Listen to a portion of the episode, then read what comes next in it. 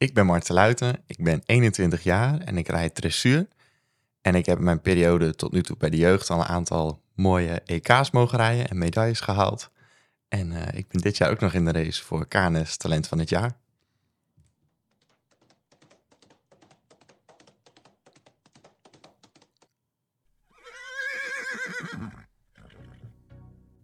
Podcast De Tweede Hoefslag. Ja, leuk dat je kijkt of luistert naar weer een eh, nieuwe aflevering van onze podcastserie De Tweede Hoefslag. En vandaag zijn we in het eh, Hoge Noorden bij uh, Marten Luiten. Marten, leuk dat we hier mogen zijn. Ja, bedankt. Leuk dat jullie er zijn. Ja, het is echt bijna het einde van Nederland, hè? Ja. Winschoten zijn we, hè? Ja, klopt, in de provincie Groningen. Dus ja, wel echt in het noorden. Ik moet zeggen, het is wel heel mooi hier. Ja, bedankt. Vind ik ook. Ja, woon je hier ook fijn? Ja, eigenlijk wel. Het is hier super uh, rustig en uh, we kunnen hier mooi thuis met de paarden bezig. En toch ben ik eigenlijk ook wel dicht uh, bij andere dingen, zoals de universiteit is een half uurtje rijden met de auto. Dus dat is ook allemaal lekker dichtbij. Dus ja, eigenlijk prima. Ja, komen we straks allemaal nog toe te spreken. Um, maar eerst wil ik graag van jou weten, weet jij nog jouw eerste ontmoeting met een paard? Nou, dat weet ik eigenlijk niet meer precies. Ik weet wel dat ik uh, vroeger vond ik paarden eigenlijk helemaal niet zo heel veel aan. Um, totdat ik op een bepaald moment uh, met mijn moeder meeging. Die ging ergens een paard uitproberen. En normaal uh, gingen we dan altijd naar onze oma. Maar goed, die wilde op met maar één kind hebben, zeg maar, om op te passen. Dus dat werd mijn broertje. Dus ik moest verplicht mee naar dat paard wat uitgeprobeerd werd. En toen was ik dat aan het filmen. En toen op een of andere manier zag ik die paarden daar allemaal. Toen dacht ik, nou, dit is echt hartstikke leuk. En uh, dat is wat ik nog weet, dat het echt een moment was dat ik dacht, nou, ik wil eigenlijk ook wel gaan paardrijden. Weet je nog hoe oud je ongeveer was? Ik denk een jaar of uh, zes of zeven, zoiets. Oh ja, wel iets ouder dan sommigen die bijvoorbeeld met drie al op een pony zaten. ja, ik zal niet als uh, driejarig kind op een Shetlander. Nee, nee, absoluut niet. Nee. Nee, oh, leuk. Want ik had ook inderdaad opgeschreven, volgens mij was het geen liefde op het eerste gezicht. Nee, klopt. Nee, nee, eigenlijk niet. Ja, mijn ouders zaten we altijd in de paarden, nog steeds. En um, we hebben hier thuis ook altijd wel paarden. En ik had zelfs ook wel een pony. En nou, oké, een keer poetsen vond ik dan nog wel oké. Maar echt erop rijden en uh, iets fanatiek, nee, dat zat er... Uh, nee, was niet op het eerste gezicht direct uh, waar ik echt van hield. Ja, want vertel even, we zitten hier in de keukentafel eigenlijk volgens mij midden in het dorp, toch? Ja, de officiële stad. Mag de stad, oké. Ja, ja. ja, nou ja, in het midden in de stad. Ja. Uh, maakt het verhaal alleen maar leuker eigenlijk. Maar je hebt hier eigenlijk alles. Ja, het is echt ideaal. Mijn um, opa had hier vroeger nog veel meer land bij. Maar dat is inmiddels allemaal uh, woonwijk geworden. En uh, dit is ervan overgebleven. Maar goed, ik heb thuis een longeerbakje, een 2060 bak waar ik kan trainen. We hebben een stuk weiland, paddocks, een trainingsmode. Ja, eigenlijk alles maar ja, wat je kan willen. En is dat allemaal voor jou of was dat hier al? Of hoe, uh... uh, nou, het was hier al wel. Mijn ouders hebben ook altijd fanatiek gereden. En ik moet wel heel eerlijk zeggen dat toen ik uh, wat verder kwam, het was altijd een 2040 bak. Toen hebben ze wel, hebben er wel een 2060 baan van gemaakt. Dus dat is wel een soort van aanpassing. Ja, kijk, want je zegt, mijn ouders waren er ook al mee bezig met de paarden. En wat voor gezin ben jij opgegroeid?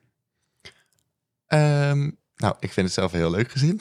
ja, ik uh, ben opgegroeid samen met mijn ouders en mijn broertje. Mijn broertje Gijs, uh, ja, die heeft eigenlijk helemaal niks met paarden. Die vindt het wel leuk om te kijken. En hij weet ook wel inmiddels welk paard welke is, zeg maar, als hij door de stal loopt. Maar daarbij houdt het ook wel op. En uh, ja, mijn ouders hebben eigenlijk altijd wedstrijden gereden. Mijn vader is uh, steward geweest en internationaal springjurylid. En mijn moeder is ook uh, jurylid geweest en die heeft zelf ook nog uh, ZZ licht gereden volgens mij. Dus um, paardensport zit er eigenlijk altijd al wel in. Ja. En, uh, ja. Zij konden jou de kneepjes van het vak goed ja. bijbrengen. Ja, ik ben echt met, eigenlijk daarmee zijn we begonnen hier thuis. Dus toen ik op moment toch wel enthousiast werd, toen heb ik heel even op mijn manege gezeten. Maar al vrij snel kochten we zelf een pony. En um, ja, toen ben ik eigenlijk hier thuis met hun begeleiding zo begonnen. En dat is helemaal doorgegroeid. Ja, want je hebt ook uh, ponies voor anderen gereden, toch?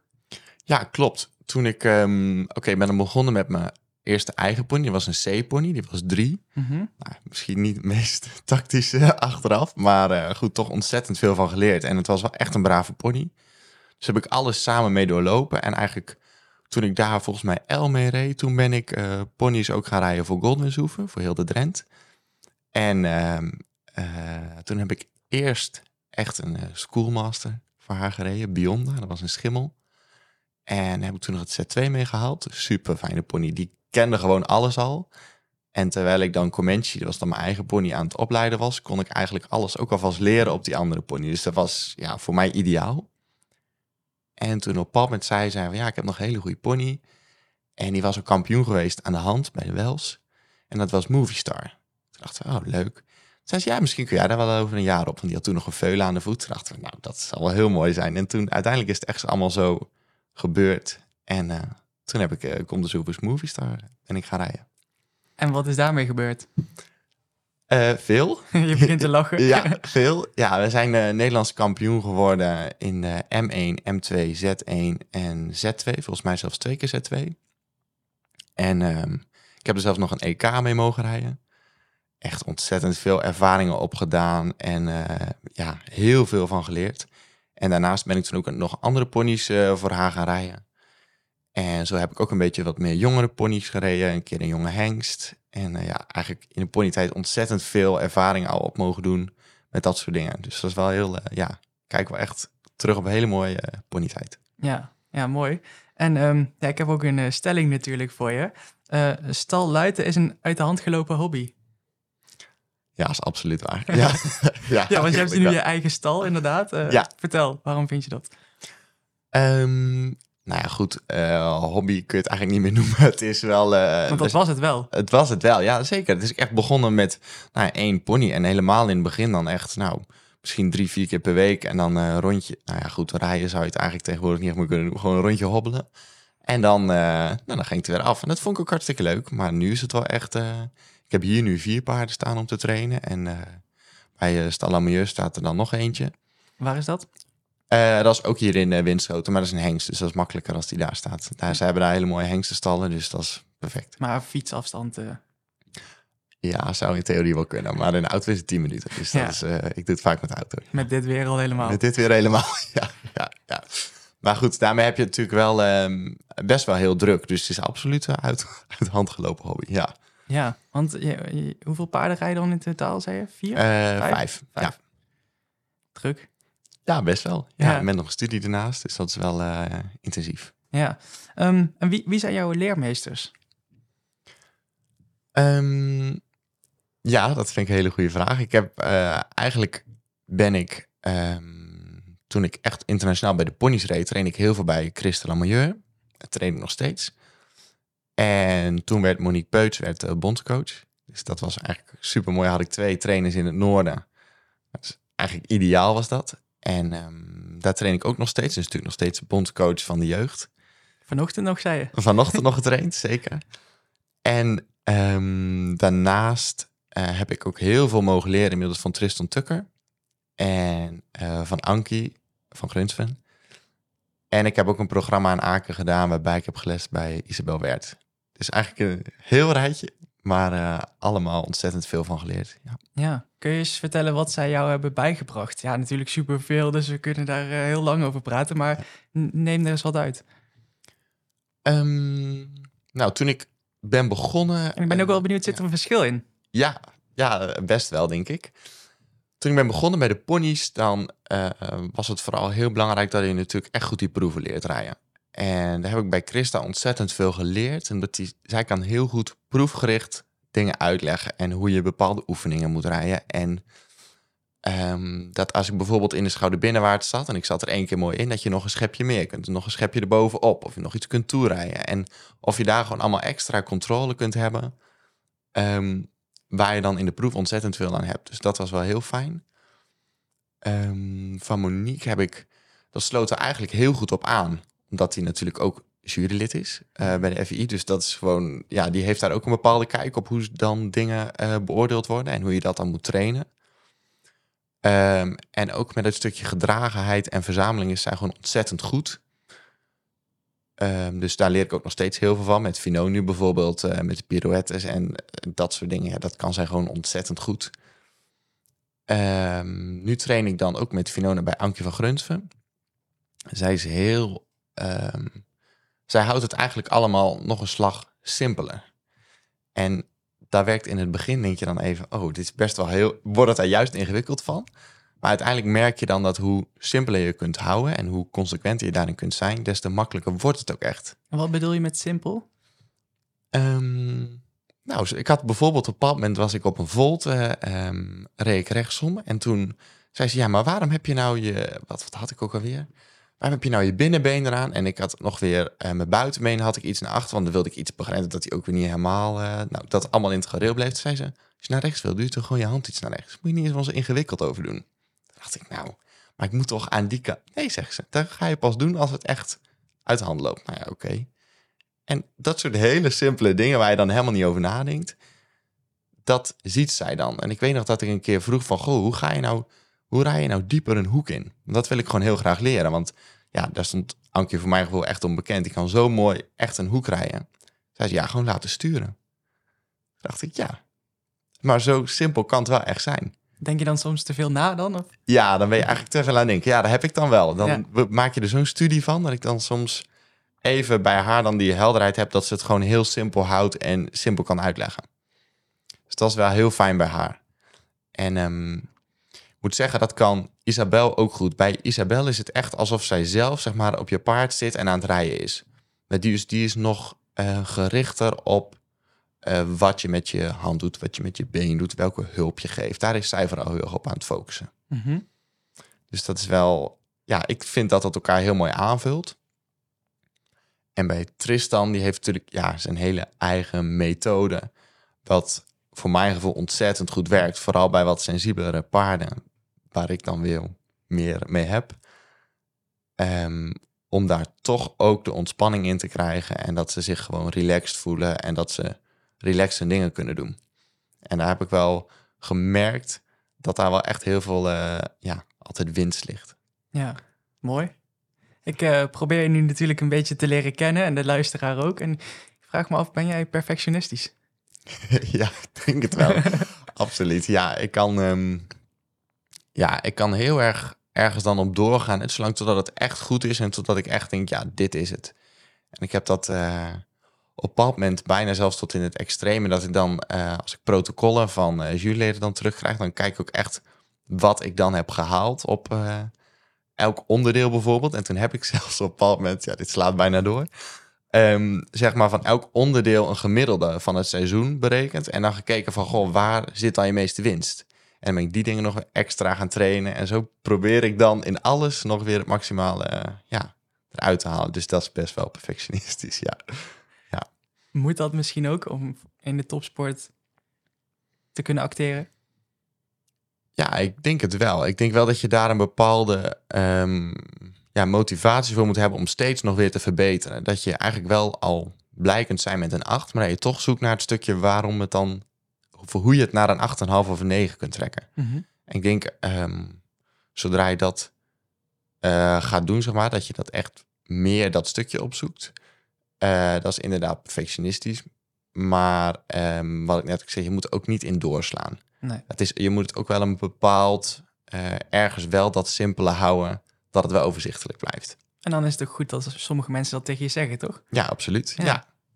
Wat vind jij belangrijk in het opleiden van een paard? Want je hebt natuurlijk wat je vertelt wat je net geleerd hebt van anderen, maar wat vind je zelf bijvoorbeeld belangrijk? Um, wat ik zelf heel belangrijk vind, is dat het vooral ook uh, voor het paard duidelijk is. En dat je daarin, uh, als er een keer iets niet goed gaat, dat je eerder een keer kijkt naar jezelf. Van, wat zou ik zelf anders kunnen doen dan dat je de schuld neerlegt bij het paard. Want ik geloof er niet zo in dat paarden van nature of expres iets niet willen doen.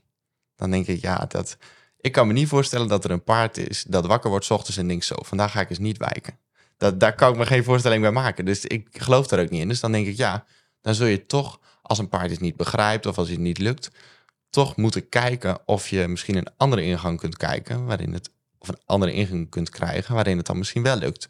En daar probeer ik wel echt um, in het opleiden van paarden om daar heel veel aandacht aan te besteden. Dat je kijkt naar het paard van wat hebben ze nodig. En ik denk ook dat je met best wel een rijtje verschillende trainers, dat dat juist daar ook heel mooi bij aansluit. Heb je iets um, geleerd waarvan je bijvoorbeeld een paar jaar geleden dacht van, oh, ik had niet gedacht dat ik er nu zo in zou staan? Of heb je altijd wel een bepaalde lijn daarin gehad in, de- in jouw visie? Je bent nog Ehm, jong natuurlijk, maar Ja, nou, dat vind ik wel een goede vraag. Ehm, dat zou ik zo niet weten eigenlijk.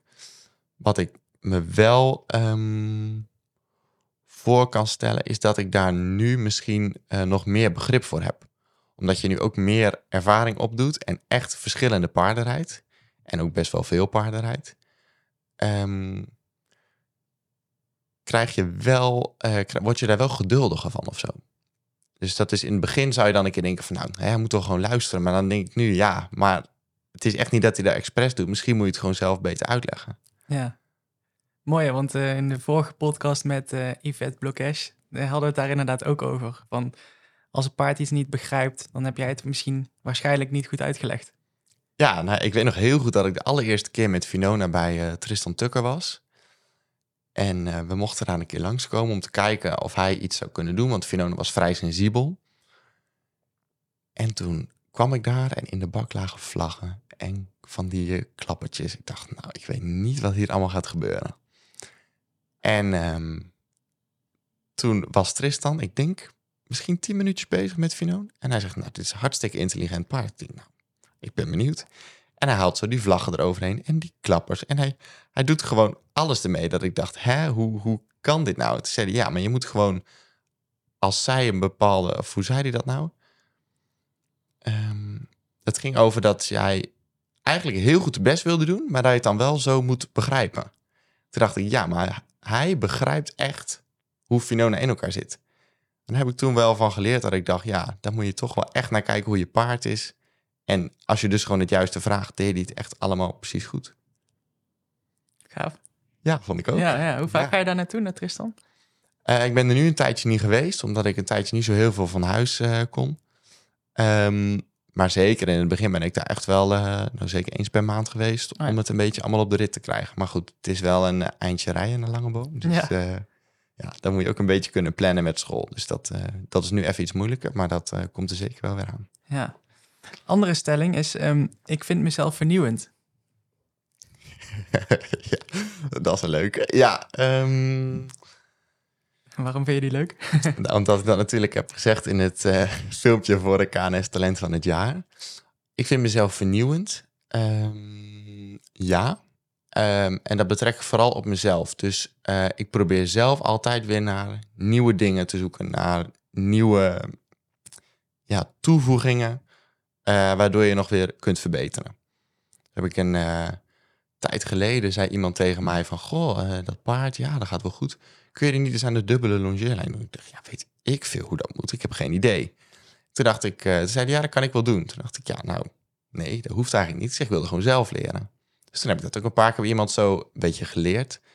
En in dat soort dingen denk ik wel dat ik voor mezelf vernieuwend wil zijn. Ehm, dus dat ik steeds weer nieuwe dingen erbij leer. En ook Ja. in eh, ehm, de dressuur, Ehm, manier van rijden, dat soort Ja. dingen. Ja, dat probeer ik absoluut wel. Ik bedoel, er ligt wel steeds meer nadruk op eh, harmonie. Ehm, het heeft volgens mij altijd al harmonieus moeten zijn. Maar goed, nu is het wel extra dat daar de nadruk op ligt. En ik probeer ook wel, zeker in mijn trainingen, om daar ook dan in de training ook de nadruk op te leggen. En ik merk wel dat ehm, als je dan dus echt kijkt vanuit het paard en zegt van goh, ehm, begrijpt hij het niet? Misschien moet ik eens naar mezelf kijken. En dat ja, combineert met eh, dingen zoals bij Ankie, dat je het gewoon heel simpel houdt, waardoor het paard het ook begrijpt, kom je ook al vrij snel bij een meer harmonieus beeld. Dus ehm, ja, ik denk, ja, of ik daar nou zelf persoonlijk echt vernieuwend in ben, weet ik niet. Eh, ik probeer daar wel eh, op die manier aan bij te dragen. Maar dat is absoluut belangrijk. Vind je het ook een soort van, ja, plicht wil ik het niet noemen, dat is misschien iets te groot, maar hopelijk begrijp je wat ik bedoel. Dat als je als jonge ruiter, dat je iets nieuws wil meebrengen. Een soort van nieuw elan of een nieuwe frisse wind. eh, Dat, je, dat, dat misschien ouderen kijken en denken, oh ja, dat eh, ziet er inderdaad eh, fris uit. Ehm, nou, ik weet niet of het echt een plicht is, maar Nee, ik denk wel dat het Ja. mooi is als je daarin weer iets kunt toevoegen. Mhm. En ik denk wel dat je nu, ehm, zijn natuurlijk eigenlijk op de jeugd-EK's zijn de jeugdteams best wel heel succesvol. Ik denk wel dat je dat ook in de mensen die dan in de kaders en in die teams zitten, dat wel echt kunt terugzien. Dat daar echt een focus ligt op lichtheid, harmonie. En dat, eh, ja, dat we daar toch allemaal wel heel hard ons best voor doen. Dat dat zeg maar gewoon het eh, normale is. Ja. Over die, eh, die kaders gesproken, hè? Ehm, ben je het daarmee eens dat, die, dat de top daarin best wel smal is? Ehm, Dat er zeg maar in de Ja. breedte misschien nog wat meer winst te behalen is? Ja, ehm, op zich wel. Alleen aan de andere kant ehm, moet het ook zo zijn. Kijk, ze hebben laatst weer die eh kaderscores wat verhoogd. Ja, daar heb ik dan niet zoveel probleem mee. Omdat ik denk, ja, als je je wil meten met echte toppers, ook in het buitenland, zul je ook echt die hoge scores moeten rijden. Mhm. Ehm, het is natuurlijk wel zo dat je iedereen ervoor moet zorgen dat er wel genoeg mensen blijven in de jeugdrubrieken en genoeg mensen die zich naar het kader willen rijden. Maar dat dat kader zelf dan iets smaller is, ja, is op zich denk ik in principe niet zo'n heel groot eh, probleem. Want vind je dat de breedte sport, zeg maar die laag daaronder, dat die voldoende steun krijgen? Hè, bijvoorbeeld eh, in Duitsland kun je zo inschrijven voor een clinic van de bondscoach of zo. eh, kan iedereen dat doen? Zou je in Nederland misschien dat, dat ook meer mogen doen? Je meer topsteun krijgt. Dat je hoger op zou willen. Nou ja, dat zou op zich best wel mooi kunnen zijn, omdat je natuurlijk wel een eh, groep hebt. Kijk, de kaderleden die krijgen eh kadertrainingen van de bondcoach. Dus die zitten eigenlijk goed. Ja. Maar het groepje wat misschien al een keer een kaderscore heeft gehaald... of wat daar zich graag mee wil gaan meten... ja, daar is eigenlijk nog niet echt iets voor. Dus ik kan me inderdaad wel voorstellen als daar nog eh, meer ondersteuning voor zou kunnen komen... om ze naar zo'n kader toe te laten werken. Ja, dat zou wel mooi zijn. Ja. Ja, precies. Ja. Ehm, waar sta jij nu? Wa- Want eh, Ehm, wat, met ja. wat, voor, eh, wat voor rubrieken rij je nu? Hoe, hoe schaal je jezelf in? Het 2022 was voor mij het laatste jaar bij de jongrijders. Dus dat betekent dat ik nou qua jeugdrubriek echt over ben naar de U25. Mhm. Daar kreeg ik toevallig net een mail van dat ik daar nou officieel in het kader zit. Dus dat is wel mooi. Ehm, en ja, dat is eigenlijk nu zeg maar welke jeugdrubriek ik me op wil focussen. De U25 en dan uiteindelijk natuurlijk de doorgroei naar de senioren. En met welke paarden ben je nu bezig? Eh, nou, met Finona zit ik dan net in het kader. Was ik eh, afgelopen jaar Nederlands kampioen bij de U25. Dus dat gaat eigenlijk al heel goed. Heel goed. ja. ja, zeker gaat het heel wel. goed. Ja. En eh, daarnaast heb ik Killer. Mhm. Killer is nog maar 7 en die heeft eigenlijk is hij al ontzettend snel van Z2-niveau naar jongrijderniveau gegaan. Die doet het echt ook heel goed. Ehm, die ben ik heel langzamerhand een beetje aan het voorbereiden, maar ik vind hem echt nog jong zat. En eh, die mag voor mij ook nog mee. Hij is nu nog 7, dus hij wordt mijn nieuwe jaar 8. Maar goed, daar vind ik ook nog meer dan jong genoeg. eh. ik bedoel, die mag ook een beetje rustig aan doen. En ehm, dan heb ik daarnaast nog een paar Johnny. Dat is een eh, nakomeling van Johnson. Die start ik nu in het Zit Licht. En daar heb ik wel echt eh, hoge verwachtingen van. Dat ik daar hopelijk ook in de komende jaren nog een keer eh, in de U25 kan gaan starten. ja, kijk. Maar dat duurt nog even. Ja, ja, precies. Nee, want eh, je staat natuurlijk te boeken als groot talent. Je bent niet voor niks talent van het jaar geworden 2021, misschien dit jaar weer. Ehm, misschien gek om over jezelf te zeggen, maar waar, waarom ben jij zo goed? Waarom ben je zo talentvol? Ehm, ja, ik denk wel dat dat in het eh, stukje zit dat ik altijd op zoek ben naar nog een stukje extra, nog een stukje meer. En dat je met een 8 al wel blij bent, maar dat je het liefst ook nog naar die 8,5, 9 wil. En het liefst zelfs naar die 10. En ik denk wel dat als je altijd blijft zoeken naar dat stukje. En ehm, dat gecombineerd met dat ik natuurlijk eigenlijk zoveel verschillende invalshoeken heb qua trainers. Dat je altijd wel weer een manier kunt vinden hoe je, er, hoe je iets oplost. Ja, ik denk dat die combinatie wel heel waardevol is. Ja, En heeft dat ook te maken met jouw band met de paarden? absoluut. Absoluut. Want ja, zonder dat gaat het gewoon niet lukken. En ik heb gewoon paarden die, daar heb ik wel heel veel geluk mee. Ik heb nog gewoon vijf hele fijne paarden op stal.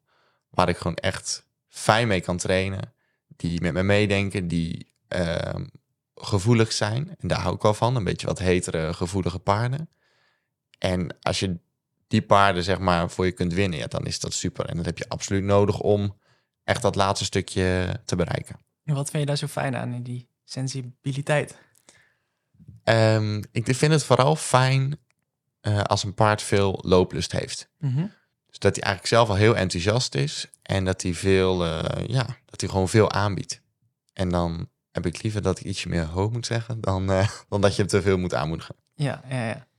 Ehm, de stelling, eh, het gat tussen U25 en de senioren is te groot. Ehm, te groot weet ik niet, omdat ik natuurlijk zelf die overstap nog niet heb gemaakt. Ehm, maar als je zo een beetje om je heen kijkt, zie je wel dat het toch nog wel een groot verschil is. Eh, En dan he- hebben ze al de U25 ertussen gezet, hè? Ja, klopt. En ehm, dat vind ik ook een beetje het dubbele, dat ik denk, oké, aan de ene kant, het verschil blijft wel groot. Maar aan de andere kant denk ik ook, als jij in de U25 een echt goede Piaf Passage Tour hebt, wat natuurlijk in de Grand Prix zwaarder meetelt dan in de U25, ja, dan zou je eigenlijk toch bij de senioren ook aansluiting moeten kunnen vinden. Maar goed, ik heb dat zelf allemaal nog niet die stap gemaakt, dus misschien valt het dan wel mega tegen. Maar Ja. het zijn natuurlijk in principe wel dezelfde oefeningen. Dus het is al wel heel fijn dat die rubriek er is.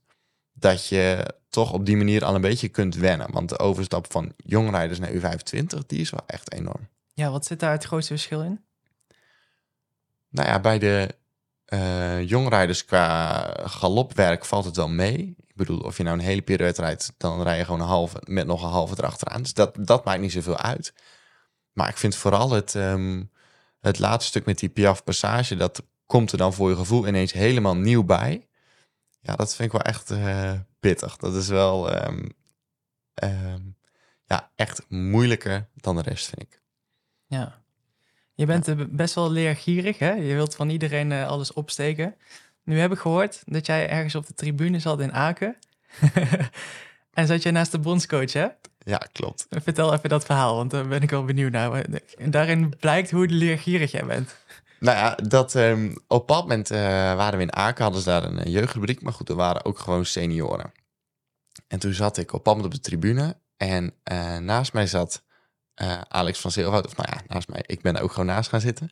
En achter mij zat Leunus Verlieren. En toen dacht ik, nou, als ik nou vragen heb over Piaf Passage, dan moet ik ze nu een beetje gaan stellen. En toen keken we eigenlijk daarna de Grand Prix. En toen zei ik van, goh, mag ik wel een vraag stellen? Nou ja, geen probleem. En toen hebben we het daar gewoon gehad over wat dan een goede piaf is, wat geen goede piaf is, hoe je die overgangen traint, eh, wel of niet, en hoe, ja, hoe dat allemaal in elkaar zit.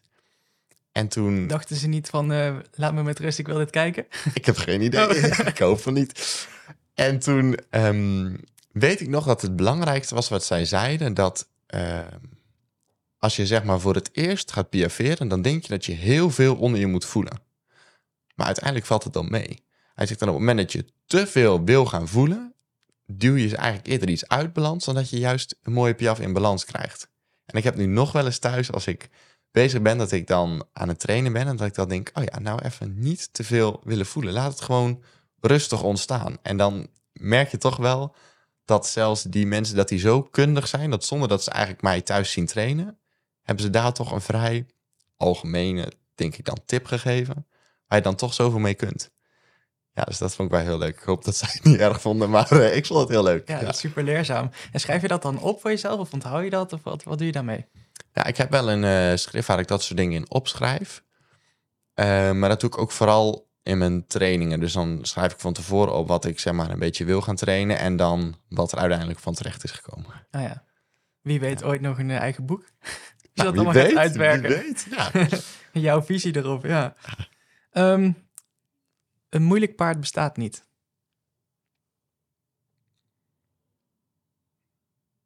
Mm, ja, moeilijk. Ik vind het een beetje... ehm, dat vind ik best een moeilijke. Toepasselijk, moeilijk. ik denk wel dat het ene paard wat eenvoudiger te begrijpen is dan het andere paard. Maar ik denk niet dat er een paard is wat ehm, op, eh, zeg maar met opzet echt moeilijk doet of zo. Dus ik kan me wel voorstellen dat het ene paard makkelijker te begrijpen is. En ik denk dat je daarbij ook wel in je achterhoofd moet houden dat het ene paard meer aanleg heeft voor bepaalde oefeningen of dat soort dingen. Dus daarvoor zal het inderdaad, kijk, een paard wat ehm, natuurlijk een iets hoger kruis heeft, zal het iets moeilijker hebben om echt te gaan zitten in een piaf. Dus wat dat betreft is dat iets moeilijker voor het paard. Maar dat maakt het niet per se direct een moeilijk paard, denk ik. Nee. Want hoe zou jij jouw eigen paarden omschrijven? Vind je die moeilijk of makkelijk? Of hoe zou je die... eh, zou Ehm, iedereen daarop kunnen rijden? Dat weet ik niet. Ehm, maar ik denk toch eh, dat ik mijn eigen paarden vooral omschrijf als wat eh, sensibeler. Mhm.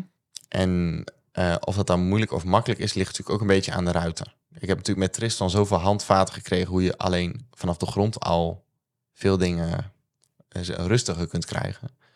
Ehm, dat dat ook wel echt veel invloed heeft op ja, hoe je paarden zijn. Dus ik denk wel sensibel. Bedoel je dan grondwerk? Ja, Mhm. absoluut. Doe je dat vaak? Ja, best Mhm. heel vaak. Zeker met Finona eigenlijk vaak voordat ik opstap. Dan ga ik even door eh, Tristan zijn eh, patterns heen, zoals hij dat noemt. En dan, eh, dan begin ik meestal pas met rijden. Ehm, bewust bij dit paard of gewoon omdat jij dat belangrijk vindt? Eh, nee, ik doe het ook met andere paarden. Maar ehm, ik heb dat met Finoon toen bij Tristan helemaal zo geleerd. Dus daar, ja, dat, daar is het het meest zeg maar een gewoonte. Mhm. Andere paarden doe ik het ook wel eens, maar zou ik het eigenlijk nog vaker moeten doen, denk ik. Waarom? Nou, omdat je eh, toch... Als ik dat met Finona bijvoorbeeld even een tijdje niet doe... dan denk ik, nou ja, vandaag even snel... of eh, daar heb ik nu even geen tijd voor. En je, doet het dan, je neemt dan wel een keer die tijd daarvoor... merk je eigenlijk direct wel dat je veel relaxter kunt beginnen. En ja, soms... ehm, omdat het natuurlijk allemaal vrij druk is qua schema...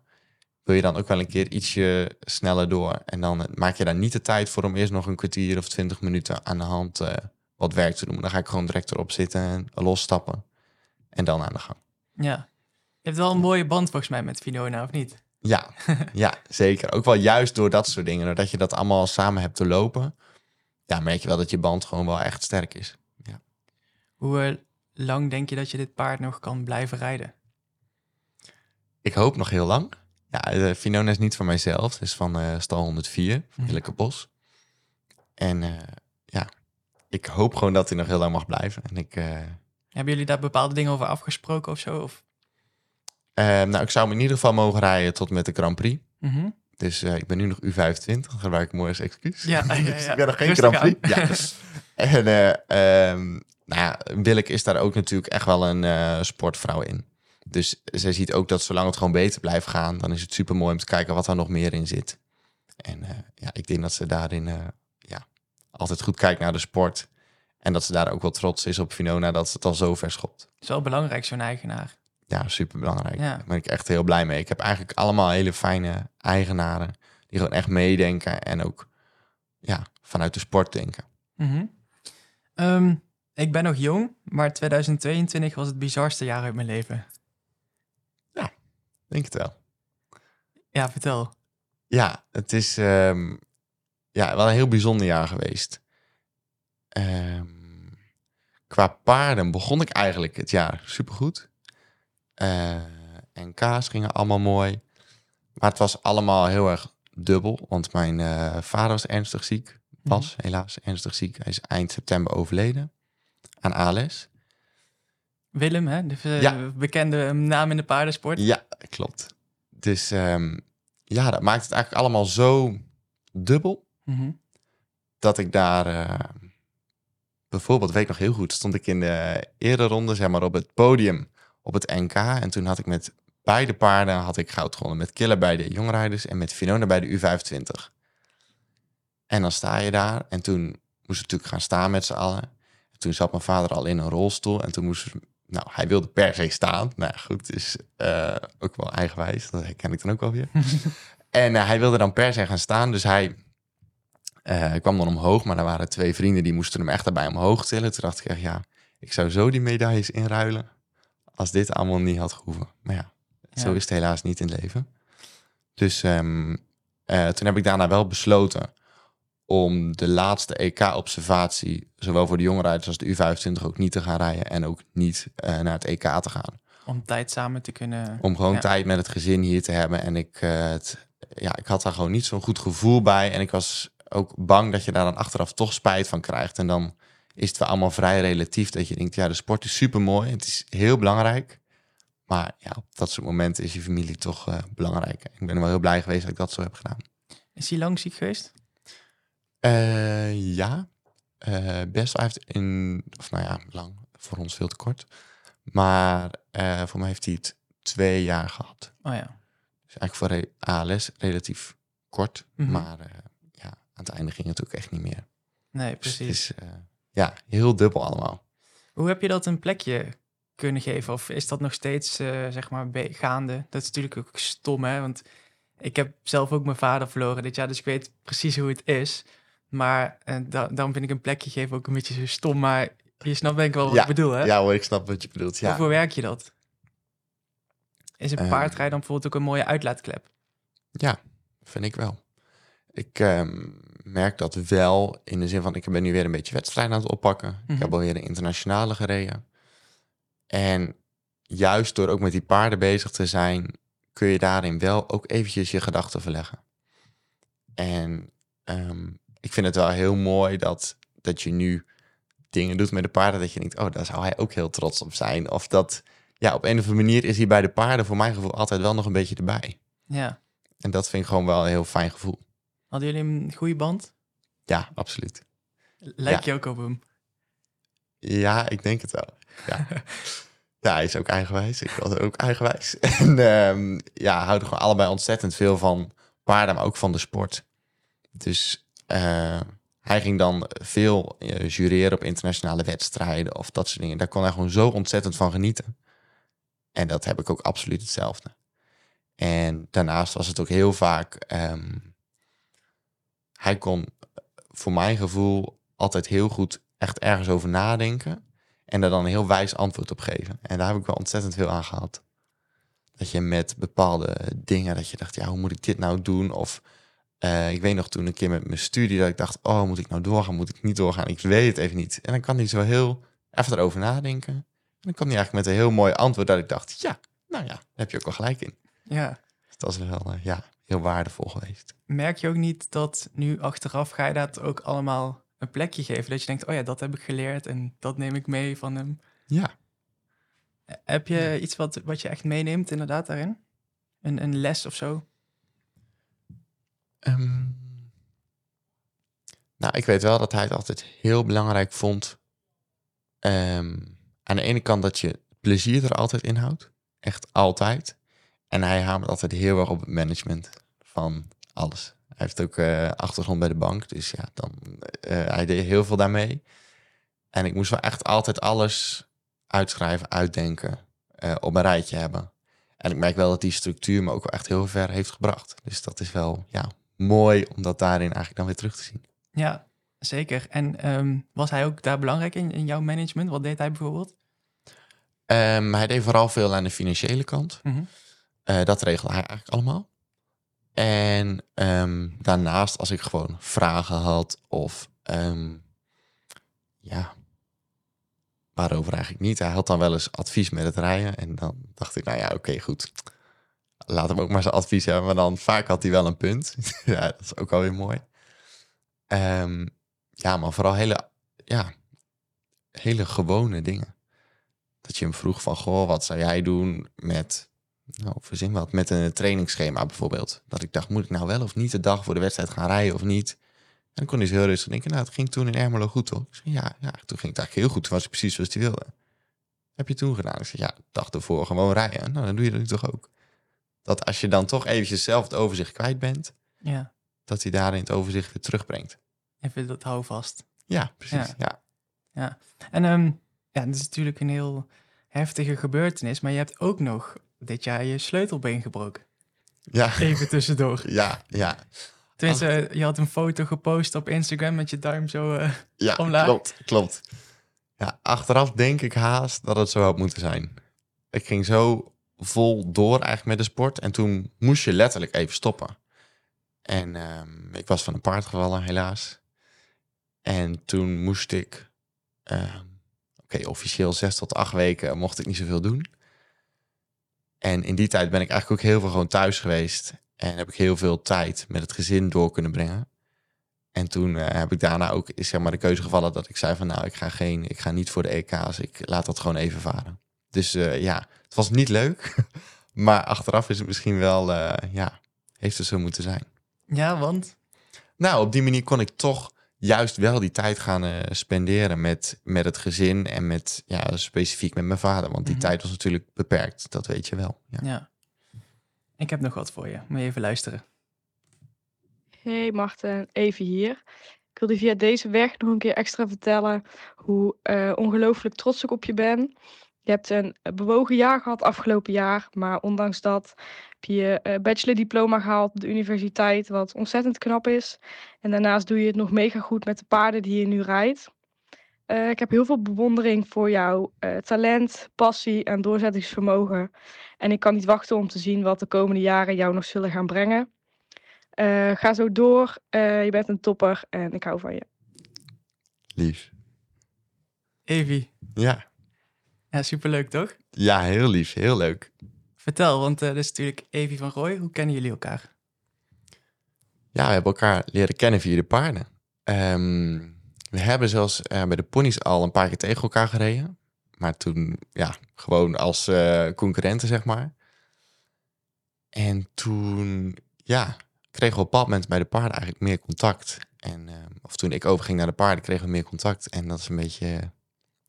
uit de hand gelopen. Uit de hand gelopen. nou, zo wil ik het niet zeggen, want ik ben er heel blij mee. Ja. Maar uh, ja, en nou hebben we inmiddels Van het al... een kwam het ander, zeggen ze. Precies. Ja, ja, ja. nou, zo is het eigenlijk wel gegaan. En hebben we inmiddels al uh, twee jaar een relatie. Superleuk. Ja, heel leuk. Alleen uh, zo niet echt om de hoek, hè? Nee, dat is een beetje jammer nog. ja. Hoe doen jullie dat? Um, nou, het scheelt natuurlijk al wel als, dat je elkaar wel op wedstrijden ziet. Dus dat is al wel handig meegenomen. En verder proberen we ja, om de weekenden een beetje heen en weer te gaan. Hoe ver is het rijden? Ga je dan met de trein of hoe doe je dat? Uh... Ik doe het meestal met de auto, dus 2,5 oh, ja. uur heen. Ja. En dan weer 2,5 uur terug. Maar ik moet wel zeggen dat zij het afgelopen jaar vaker hier is geweest dan uh, ik daar. Ja. ja, had ze redenen waarschijnlijk. Ja. Maar dat is wel echt de liefde dan, denk ik. Ja, dat is heel lief. Um, ik vraag natuurlijk ook, want je doet inderdaad, gaf je in het begin ook aan uh, een studie. En niet ook de minste studie, vertel. nee, ik volg op dit moment uh, doe ik een master. Ik heb dus mijn bachelor bedrijfskunde gehaald. En ik doe nu de master uh, business administration en dan het profiel change management. Ja, mijn vraag is dan gewoon heel kort. Hoe dan? ja, dat weet ik zelfs nog ook niet. Nee. Het is wel heel druk. Ja, qua vrije tijd hou ik niet heel veel over. Maar ik moet wel zeggen dat ik alles zo leuk vind, dat, het, ja, dat ik er ook ontzettend veel energie van krijg. En dat het me dan ja, nou niet eens heel gek voor uitmaakt. Ja, want als jouw week, dat hoef je niet van uur tot uur te beschrijven, maar hoe ver, hoeveel ben je met alles bezig? Um, nou, voor de universiteit zit ik nu bijvoorbeeld uh, maandag twee uur, dinsdag twee uur en woensdag zes uur op school. Dus dat valt eigenlijk wel mee hoeveel ik echt zeg maar in Groningen zelf moet zijn. Ik mm -hmm. ben wel een master waarbij je vrij veel zelfstudie hebt bewust ook zo gekozen, omdat ik dan de tijd zelf kan indelen. En voor de rest um, ja, ben ik toch vaak zeker een heel dagdeel wel bezig met de paarden. En ik rijd dan de Henk Smokley en die staat dan bij uh, Christa op stal, Christa Lamoureux.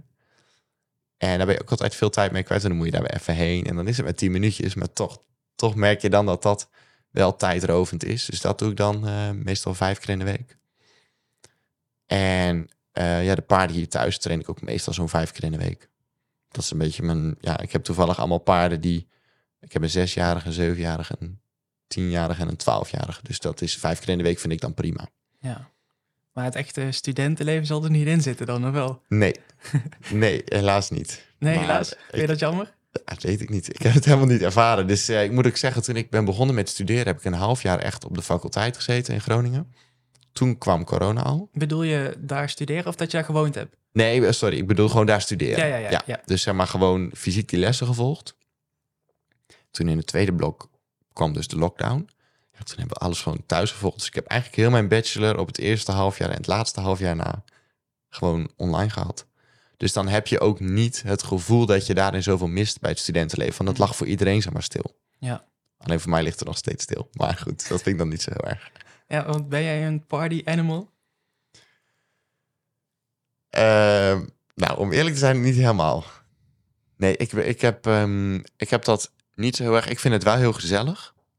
Uh, met, om een keer met vrienden wat uh, te gaan drinken. Maar dan ben ik meestal degene die dan een sinaas neemt. Oh ja? En dan is nog net niet de grap van oeh, wel met prik. Nou, dat is al vrij gewaagd. Dus dat, nee, daar ben ik niet zo van. Ook omdat ik het verder dan vrij druk heb. Dus als het dan een keer uh, 11 uur is, half twaalf, dan denk ik, nou jongens, nou heb ik het echt wel gehaald. Ik wil weer slapen, want morgen ook weer trainen. Mm -hmm. Dus dat, ja, dat is wel iets anders. Ik kan niet zeggen dat ik nou eh, van festival naar festival ga. Nee, nee, nee. En eh, doe je daar zelf naast ook misschien, ja, je hebt het al heel druk, maar misschien nog iets aan, aan fitheid om ja, ruiterfit te zijn? Ehm, nou, dat hebben we toen eh, in dat programma bij Aken hebben we daar eh, aan gewerkt. En ik moet zeggen, ik heb dat nu even een tijdje iets minder gedaan. Maar ik denk wel dat ik daarin wel iets weer op ga pakken. Want je merkt daar toch wel verschil in hoe eh, soepel je bent, hoe flexibel je bent. Ehm, dus wat dat betreft zou het eigenlijk wel moeten. Wat dan bijvoorbeeld, wat deden jullie? eh, of wat we zou je willen doen? Eh, we deden heel veel stretchen. Mhm. En dan ook bepaalde oefeningen, waardoor je zeg maar, kijk, met paardrijden train je best wel een ehm, specifiek aantal spiergroepen. En de andere spiergroepen blijven dan een beetje achter. En op het moment dat je daar meer aan ging werken, merkte je wel dat alles eigenlijk makkelijker werd. Toen dacht ik, ja, dat zou ik eigenlijk nu wel weer een beetje op willen pakken. eh, om daar iets mee te doen. En daarnaast ehm, heb ik een ja, mental coach. Ze is eigenlijk een beetje alles in één, Romy Vroma. En zij doet ook veel met ruitenfitheid. Dus ook met zo'n fitnessbal, zeg maar. Dus daar heb ik ook nog wel mijn oefeningen van. Om, Zo'n eh, grote medicijnbal. ja, Ja. precies. Ja, zo'n grote, ja. En daar eh, doe ik dan ook wel oefeningen op voor mijn balans en voor coördinatie, dat soort dingen. Oh ja. En ehm, ja, je zegt een soort van mental coach of zo. Het is eh, soms misschien een beetje taboe in de sportwereld, weet ik niet. Maar eh, steeds normaler. Eigenlijk best veel sporters hebben dat. Wa- waar praat je dan over? Nou, ik zeg meer een soort van mental coach, maar dat is eigenlijk meer is dan dat. Ik, Ja, ja, dit- ik vind het moeilijk om daar echt een term op te plakken. maar je Ehm, hebt denk ik ook gewoon gesprekken. Ja, Ja. ja. je hebt eigenlijk daar veel gesprekken. Ehm, ik ben daar toen begonnen toen ik eh, aan het begin van het seizoen zat met Finona eh, bij de Jongrijders. Was het eerste seizoen. En toen had ik eigenlijk daarvoor een heel succesvol juniorenseizoen gehad. En toen zei ik, ik zei, ja, op een of andere manier, ik kom niet in vorm. En ik kan mijn vinger er niet op leggen wat het is. Maar ik kwam gewoon niet helemaal lekker in vorm. En ehm, ik kende haar al vanaf het Adelinde Training Center. Daar ben ik toen ook wel een paar keer geweest. En eh, zij zit hier heel dichtbij, dus dat is eigenlijk ideaal. En toen heb ik haar gevraagd, goh, zou je mij eens willen helpen? En dat heeft ze gedaan en dat doet ze nog steeds. En dat varieert echt van, ehm, nou bijvoorbeeld het helpen van die structuur aanbrengen. Dus ik deed het altijd wel uit mijn hoofd. En toen zei ze, ja, maar als je dat nu een aantal weken terug wil bekijken, weet je het dan nog precies? Ik zeg, nou nee. En toen werd ik al bijna een beetje onrustig van het idee. Dat ik dacht, oeh, hoe zat het toen ook alweer? Ik zeg, nou schrijf het gewoon op. En toen ben ik begonnen met dat schrift. En dat heeft me ontzettend veel, ja, wat ik al zei, veel steun gegeven. Die, gewoon die structuur. En waar zij ook heel goed in is, vind ik, is dat zij heeft zo breed veel kennis. Dus ze, ze gaat wel echt voor de paardensport. Maar ze heeft ook heel veel kennis van het mental coach deel, zeg maar, buiten de paardensport. Dus dat vind ik wel heel, ja, echt over mentaliteit en over mindset. Dat soort dingen weet ze ook heel veel van. Dus dat, dat is wel ontzettend leerzaam. Ja, dus je, je merkt ook aan jezelf dat je dan stappen maakt. Ja, absoluut. Zeker. Want ik had eigenlijk eh, aan het begin van het seizoen dus het idee dat ik nou, niet in vorm was. En aan het eind van het seizoen had ik toch eh, mijn eerste EK jongrijders individueel al een keer goud. Dus dan is het wel iets goed gegaan. Want je had ook echt het gevoel dat het aan jou, zeg maar, lag.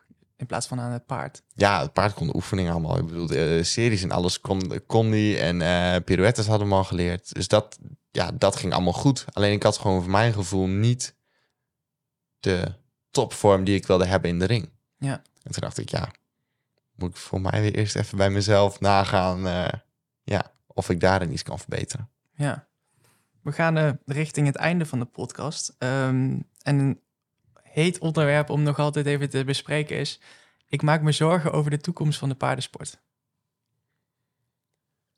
Ehm,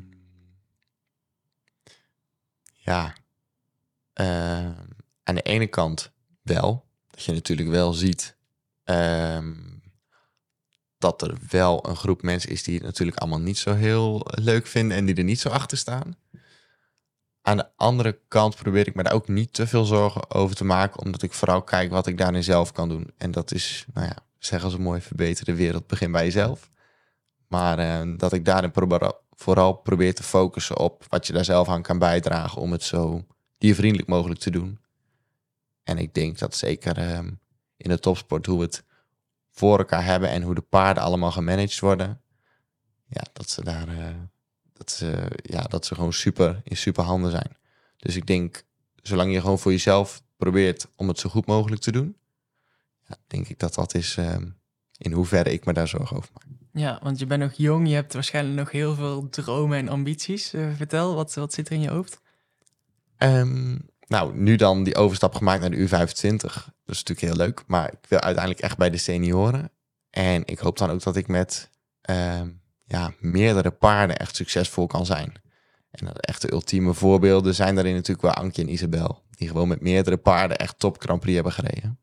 En dat is wel iets ja, waar je dan van droomt. Wat je hoopt dat dat ooit, eh, dat het ooit ook zo is. zou je zelf ook wel eh, willen zien doen. Ah, als het even kan. Ja. Volgens mij heb ik nog een heel oud filmpje van jou gezien ergens op YouTube. Dat je zei van, ja, ieder jong sport, iedere jonge sporter droomt wel van de Olympische Spelen ooit. Ja, ehm, eh, dromen zeker. Maar ik denk dat je wel zo realistisch moet zijn dat het ja, eens in de vier jaar is. Mhm. En je moet precies op dat moment in topvorm zijn met precies dat paard, wat ook dan de goede leeftijd heeft. En er zijn zoveel omstandigheden die dat nog eh, beïnvloeden. Maar een droom, ja, absoluut. Ja, ben je dan ook een vervent volger van de dressuursport? Dat je alle wedstrijden kijkt of bijhoudt of dat soort dingen? Als er iets is, eh, online bijvoorbeeld, probeer ik altijd wel mee te kijken. Of via een livestream of via, nou als het even kan natuurlijk een keer zelf. Maar dat is niet altijd mogelijk, eh, tijdstechnisch gezien. En ja, ik probeer wel echt op de hoogte te blijven van wat er allemaal gebeurt. En wie waar wat doet. Ja, probeer ik wel. En als je dan terugkijkt op 2022, wie springt er voor jou dan uit, echt uit de top? Ehm, Heb je bijvoorbeeld iemand als je denkt aan 2022, dat je denkt van, oh, die combinatie, was echt fantastisch. eh. Nou, ik moet wel zeggen dat ik het ontzettend knap vind hoe bijvoorbeeld Emily dan met Indian Rock in zo'n korte tijd eigenlijk eh, ja, mega groei heeft gemaakt. En het is natuurlijk nu eh, Charlotte Fry met uh, Glamourdale is toch ook echt ja, droomcombinatie. Het is zo mooi om dat te zien dat hij eigenlijk in herning kwam en daar iedereen gewoon verbaasde en gewoon dik won. ja, Ja, dat vind ik wel heel mooi om dat te zien. Dan kan ik ook echt alleen al naar het kijken, kan ik al een kippenvel van krijgen. Ja. gaaf. Ehm, tot slot, wat eh, staat er voor jou op het programma in de komende tijd? Ehm, ik heb nu eh, begin januari is weer CDI in Exlo. Mhm. Daar ga ik eigenlijk eh, bijna altijd heen. Vind ik gewoon een hele fijne wedstrijd. En voor de rest staat er voor de wat eh, jongere paard, nou ja, jongeren. eh, de zes- en de zevenjarigen, die doen mee aan de selectie voor de provinciale kampioenschappen. Hoop ik dat ik natuurlijk plaats voor het NK. En voor de andere paarden ga ik kijken wat er internationaal eh, voor mooie wedstrijden zijn. En verder vooral genieten. Heb je een bepaald ding in je agenda omcirkeld voor 2023? Ehm, nou, ik heb al wel een keer stiekem gekeken naar het EK U25. Waar is dat? Is in eh, Hongarije. Oh, alweer. Dat is altijd, of niet? Eh, Of is dat nou, toevallig? Nu is het toevallig, eh, ja. Dus eh, daar heb ik wel heel stiekem mijn ogen een beetje op laten vallen. Dat ik denk, daar wil ik heel graag naartoe werken. En als alles mooi op zijn plek valt, dan zou dat mooi zijn. Ja. Nou, dankjewel eh voor je tijd, Martin. Jij bedankt. Leuk dat je keek of luisterde naar deze podcast. Vond je hem nou leuk? Abonneer dan op ons podcastkanaal en beluister ook onze andere podcasts. Ja, de, de ochtend dat ik moet rijden, dan ben ik echt, eh, dan, dan wil je mij niet tegenkomen. Dan ben ik echt één wrak. Het zegt alleen maar, ik wil naar huis. Waarom doe ik dit? Ik vind het niet leuk. Eigenlijk mijn eerste reactie was nee, dat ga ik echt, echt niet doen. Waarom? Ja, omdat het natuurlijk zo eigenlijk toen, dacht ik toen, het tegenovergestelde was, hè, Rien en Edward. Het was zelfs zo, als ik naar school ging, middelbare school zat ik in Zeist. En dan kwam je op maandagmorgen op een gegeven moment op splitsing. En dan rechts was naar Zeist en links naar Utrecht. Dan ging ik naar Utrecht, naar de paardenmarkt. Dus dan spijbelde ik altijd op maandag tot natuurlijk de leraren begonnen te klagen. En dan zei ik tegen mijn vader en moeder, ik zeg, ja, ik kon er gewoon echt niks aan doen. Want mijn fiets ging gewoon die richting op. En zo voelde het gewoon voor mij. Waarschijnlijk drukt hij me dan gewoon weg. Hij heeft je nummer, hè? Dus, eh, Ja, daarom. Zo gauw die eh, mijn nummer ziet, dan is het eh, weg dat ding. ja. Blijf je tot je 65ste doen wat je al 20 jaar gedaan hebt. Want ik zit al 20 jaar in dit bedrijf, bij wijze van spreken. Nou, volgens mij eh, Dit is een ander hoor. willen de honden wat meer aandacht. Snap je wel dat die regel er zeg maar is? Of? Nee, Nee. echt totaal niet. Ik heb een keer met de KNS gebeld. Maar ik denk dat wij als hele paardenwereld wel heel erg op moeten letten dat we de buitenwereld niet laten dicteren wat wij doen. Maar als ik het gevoel heb, dat is het goeie dat je het zegt. als ik het gevoel heb, nou ben ik hier aangenomen als bondscoach en ik fungeer alleen maar als chef de keeper, mag ze rondrijden naar het hotel en terug en ik ja, of organiseren. Mhm. Nee, dat, is- dat is niet, dat, niks is met te min hoor, maar dat is mijn, dat is mijn ambitie niet. Ik hoop dat ik je zo een beetje heb kunnen laten zien waar ik mee bezig ben en wat ik allemaal doe in het leven. En eh, ik hoop dat je het leuk vond om eh, te luisteren. In ieder geval hartstikke bedankt voor het luisteren en wie weet tot ziens. Bedankt voor het kijken of luisteren. Ja. Doei! Thanks.